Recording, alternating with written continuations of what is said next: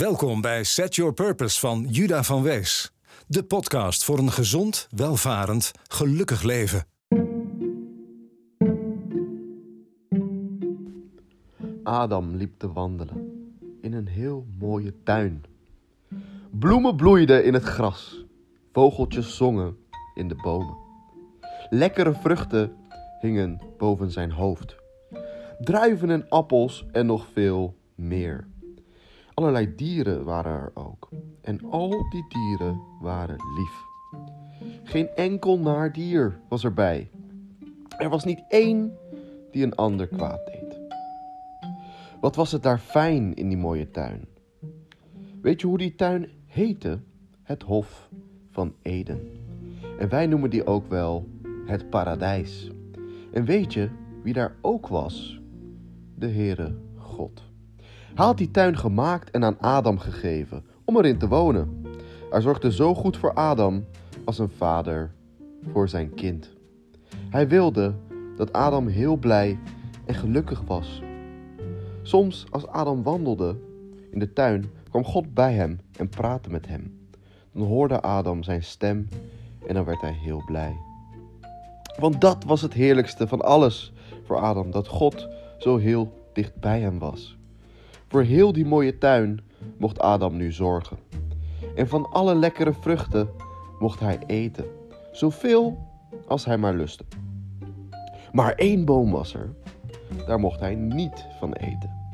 Die boom stond midden in de tuin en heette de boom der kennis van goed en kwaad. God had gezegd: Van alle bomen mag je vrij eten, maar van die ene boom moet je afblijven, want als je daarvan eet, ga je dood.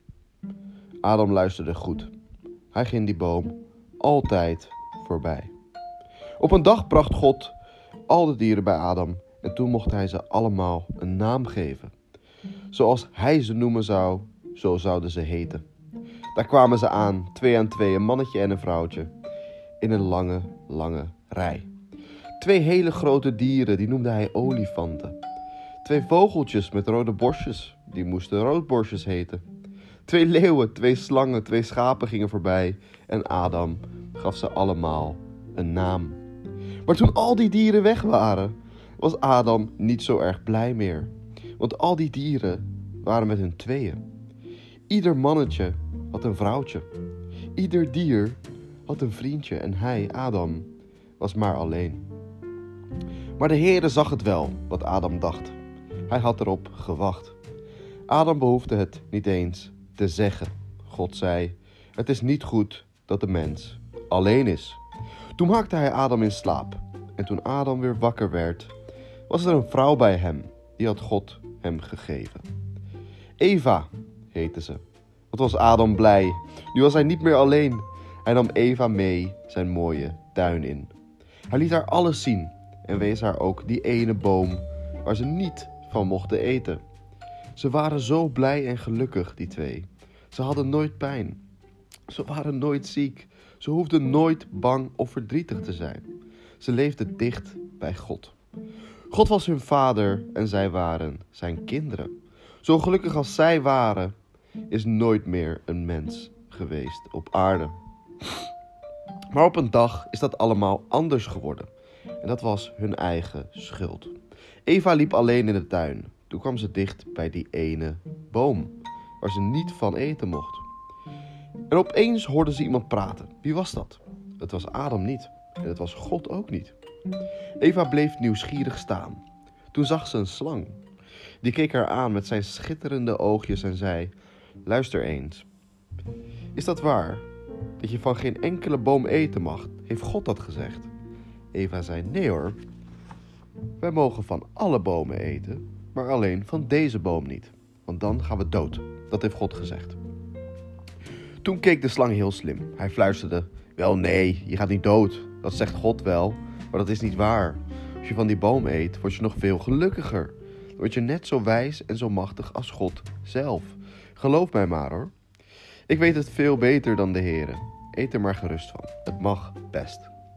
Eva keek naar de vruchten. Ze blonken zo mooi in de zon. Ze zouden dan waarschijnlijk wel heel lekker zijn. En toen deed ze het. Ze plukte van die vruchten en ging ervan eten. En ze gaf Adam er ook van en die ging er ook van eten. God had het hun zo verboden en ze deden het toch. Dat was een grote zonde. En meteen wisten ze al dat de slang gelogen had. Ze voelden het. Want ze waren ineens helemaal niet blij meer. Ze werden verdrietig en bang. En ze schaamden zich zo, want ze zagen dat ze naakt waren. Daar hadden ze nog nooit aan gedacht. Maar nu zagen ze het. Ze plukten grote bladeren en maakten daar schorten van. Toen hoorden ze de stem van God, die hen altijd zo blij had gemaakt. Maar nu schrokken ze erg van die stem en liepen hard weg. Ze verstopten zich voor God tussen de struiken en ze hoopten maar dat hij hen niet vinden kon. Maar God vond hen wel. Hij riep Adam en zei: Waar ben je? Kom eens hier. Ja, toen moesten ze wel komen. God zag ze toch wel. Bang kwamen ze tevoorschijn. Ze durfden God niet eens aan te kijken. God vroeg: Heb je van die boom gegeten? Dat klonk heel boos en heel verdrietig tegelijk. Adam zei: Ja, heren, maar Eva heeft mij ervan gegeven. En Eva fluisterde: Ja, heren, maar de slang heeft gezegd dat ik er maar van eten moest.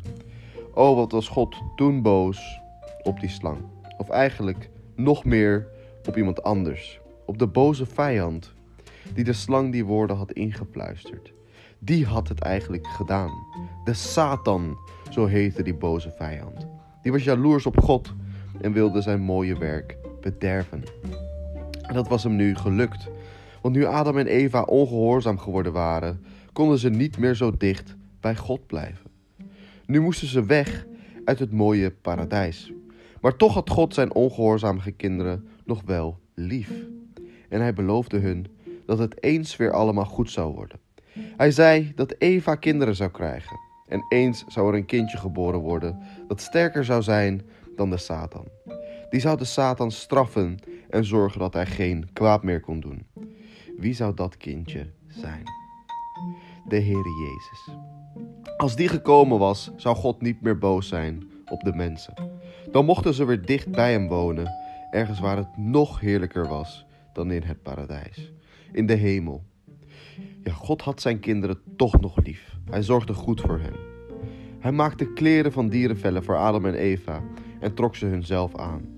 Dan hadden ze het niet zo koud. Toen stuurde hij hen weg uit het paradijs en ze konden er niet terugkomen. Want een engel stond ervoor om op te passen.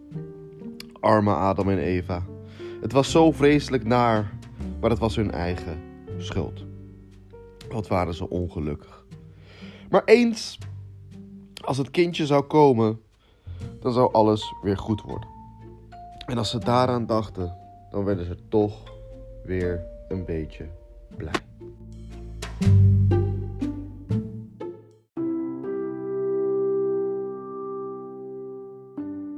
Welkom bij episode nummer 33 van Set Your Purpose.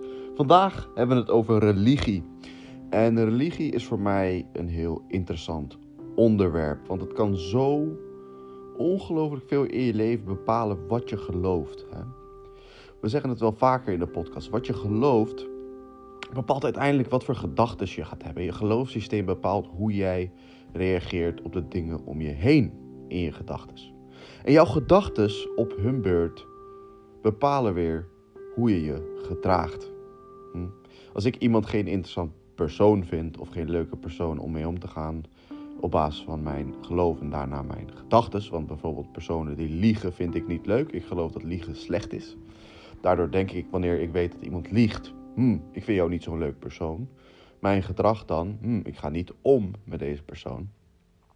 Maar zo werkt het overal. En gedrag is nou net hetgeen wat leidt tot resultaat, oftewel onze werkelijkheid.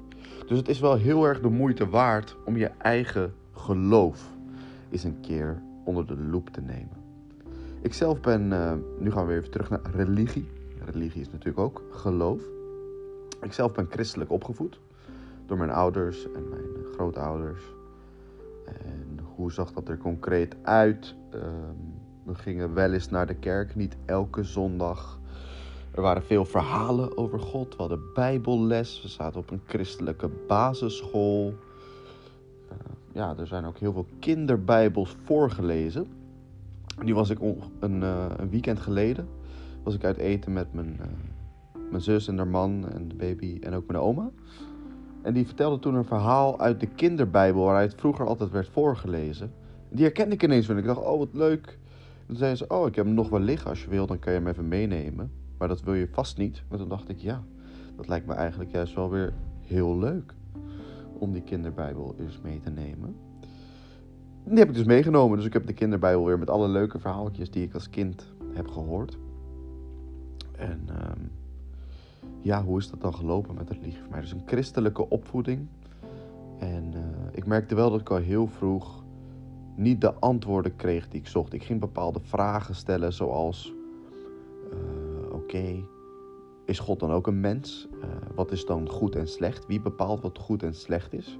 Is dat niet meer cultureel bepaald in plaats van een algemeen concept? En Waarom krijgen we straf? Hoe kan het dat er kwaad is in de wereld als er een almachtig, uh, almachtig iemand is die goed wil voor de wereld? Al dat soort vragen stelde ik en mijn ouders hadden daar niet altijd antwoorden op. En zo werd ik langzaam een beetje atheïstisch en ja, haalde ik een soort van status en ego uit het slimmer zijn dan de religieuze mensen. Uit het beter snappen hoe de wereld in elkaar zit dan iemand die een monotheïstische religie had. Zo ging dat een beetje. Dus in mijn puberteit had ik een soort van arrogante, atheïstische houding ontwikkeld. Waarmee ik dan ja, degene was die altijd maar kritische vragen stelde aan religieuze mensen. En discussies aanging over waarom geloof je dan en hoe kan het dat je één zo slim bent, maar toch twee in zoiets doms gelooft. Ik sta hier nu niet, niet achter overigens. En om daarop terug te komen. Dus ik ben ongeveer vanaf mijn, laten we zeggen, tiende, elfde tot, ja, tot niet heel lang geleden eigenlijk atheïstisch geweest. En onlangs ben ik eigenlijk juist weer heel erg veel gaan geloven in iets wat we God kunnen noemen. Iets wat we God kunnen noemen. En je hoort tegenwoordig steeds vaker mensen zeggen: wat maakt het uit hoe het noemen? Hè? Zoals uh, God, Almachtige, de Heer, uh, gemeenschappelijk bewustzijn, gedeeld bewustzijn, oneindige intelligentie.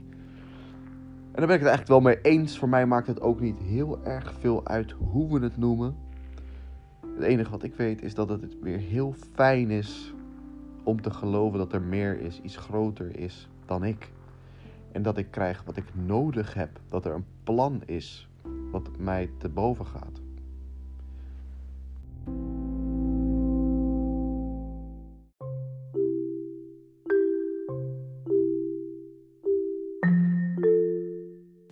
Maar hoe werkt het dan? Om van religieus opgevoed zijn te gaan naar atheïstisch zijn en dan weer een soort van terug te komen naar een vrij radicaal geloof, als ik heel eerlijk ben. Ik ben vrij extreem overtuigd van waarin ik geloof. Dat zal ik eventjes uitleggen. Judah, do you care to elaborate? Yes, here it comes. Zoals jullie weten heb ik met mijn podcast, maar ook in mijn leven, een heel belangrijk doel.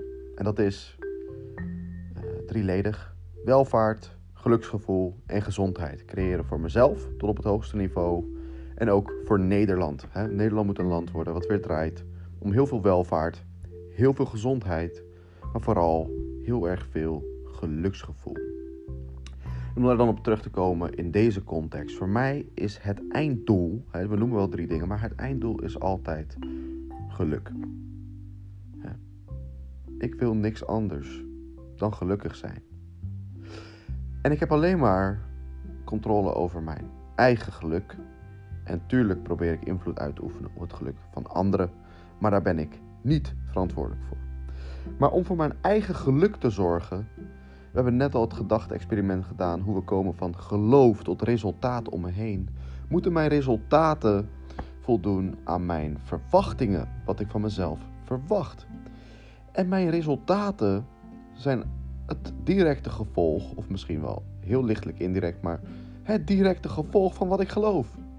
Dus ik moet ervoor zorgen dat ik een geloof heb dat bij, of een geloofssysteem dat bijdraagt aan mijn geluksgevoel. En als we dan heel praktisch kijken naar bijvoorbeeld een religie als de islam of het christendom. Christendom. Het christelijk geloof. Sorry. maar als we dan naar zo'n religie kijken, is het best wel een praktisch geloof ook om gelukkig te zijn. En ik ben ook een onwijze voorstander van wetenschap. Het heeft ons onwijs ver gebracht om dichter te komen bij wat je dan, als je dat graag wil, de realiteit wil noemen of kennis. Hè? Wat is kennis? I don't know. En wat is zijn? I don't know. En er zijn natuurlijk een hele hoop vragen waarop wij antwoord zoeken met de wetenschap. Maar we weten nooit of we echt antwoorden vinden. Iedereen die doet alsof hij weet wat kennis is, is een volger van een bepaalde filosofische stroming die empirisme heet. Maar we weten, of positivisme misschien. Maar we weten helemaal niet wat feiten zijn. Of wij de echte werkelijkheid zien. Of er een plan van het universum is. En het is wel heel arrogant om te denken dat wij als mens, als er zo'n plan zou zijn, dat kunnen doorgronden met onze onwijs beperkte perceptie en intelligentie.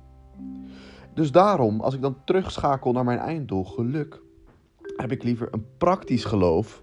Een geloof dat mij helpt om mijn levensdoel te bereiken, dan een geloof wat mij in een depressie brengt. Want als ik dan even terug ga naar de periode van 11 tot een paar jaar geleden, waarin ik heel atheïstisch was en daar een soort status aan ontleende. Ik was niet gelukkiger dan dat ik nu ben. Sterker nog, ik dacht over heel veel dingen na. Ik was heel kritisch, trekte alles in twijfel. Was eigenlijk een soort scepticus. Hè? Ik geloofde niks totdat het onwijs ver bewezen was door wat ze dan wetenschap noemen, besef je wel dat zodra het wetenschappelijk paradigma verandert, dat alles wat we weten ook weer verandert. Want de manier waarop we kijken naar wat wetenschap is, bepaalt nu wat realiteit en kennis is voor ons. Maar ik was helemaal niet gelukkig met zo slim tussen haakjes nadenken over alles. En met al die vragen, met al die kritiek. Uiteindelijk is het veel fijner om te accepteren dat er een plan is. En om te geloven dat er een groter plan is voor ons allemaal. Dat wij niet kunnen doorgronden.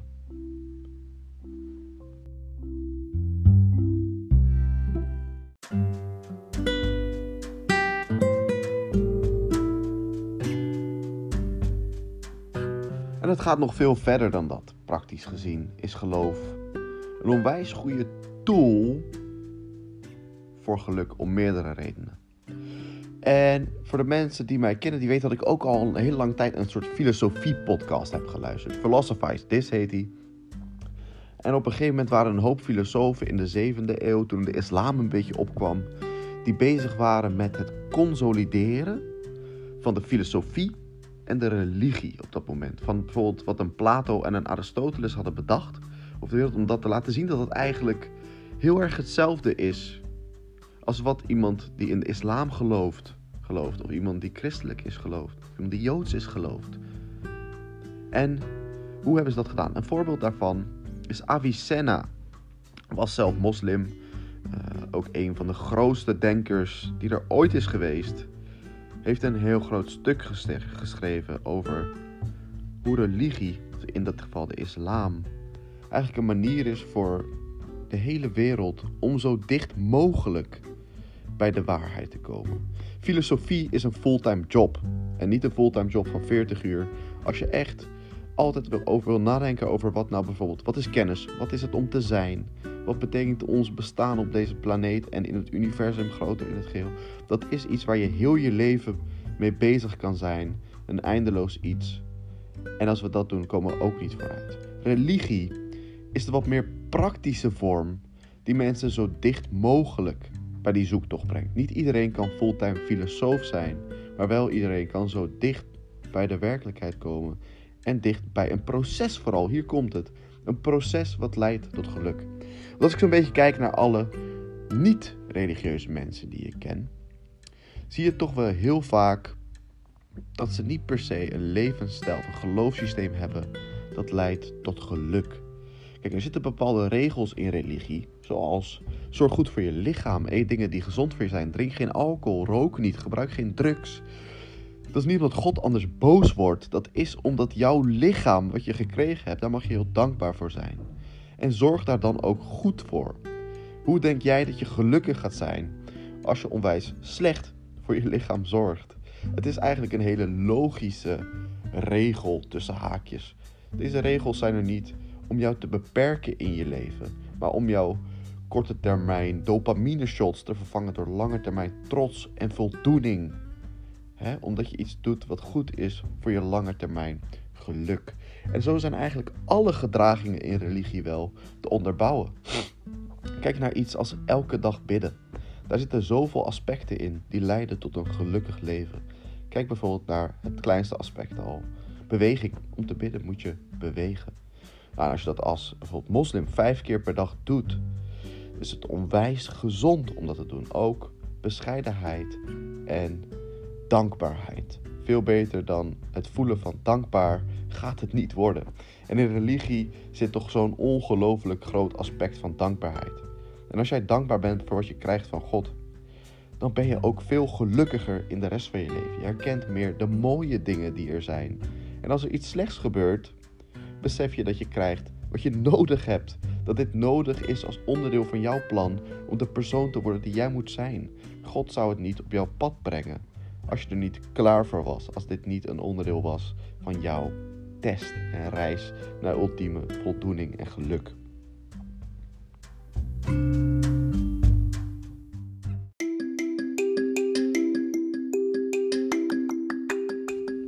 Om het dan voor mij samen te vatten, die reis van religieuze opvoeding naar atheïsme, naar weer een vrij radicaal geloof dat je altijd krijgt wat je nodig hebt, dat er een groter plan is.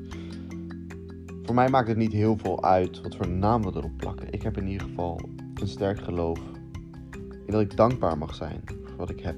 Dat er meer is dan ik en dan de mensheid. En dat wij uh, ja, altijd kunnen vragen aan een almachtig iets wat we nodig hebben, wat we willen.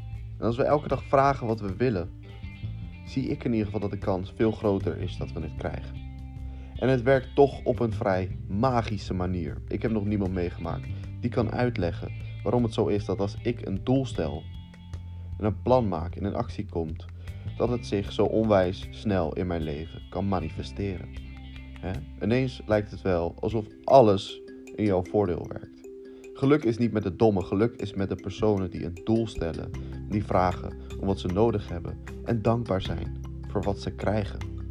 Want er zijn zo onwijs veel mooie dingen. De, schoonheid van onze planeet en van ons universum, van ons bestaan, is toch eindeloos.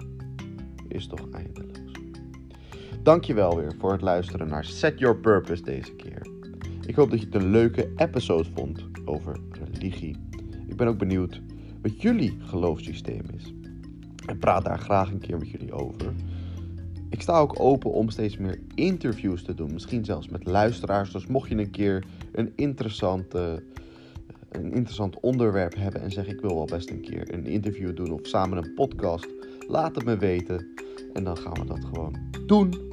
Een hele fijne dag nog. En don't forget to set your purpose.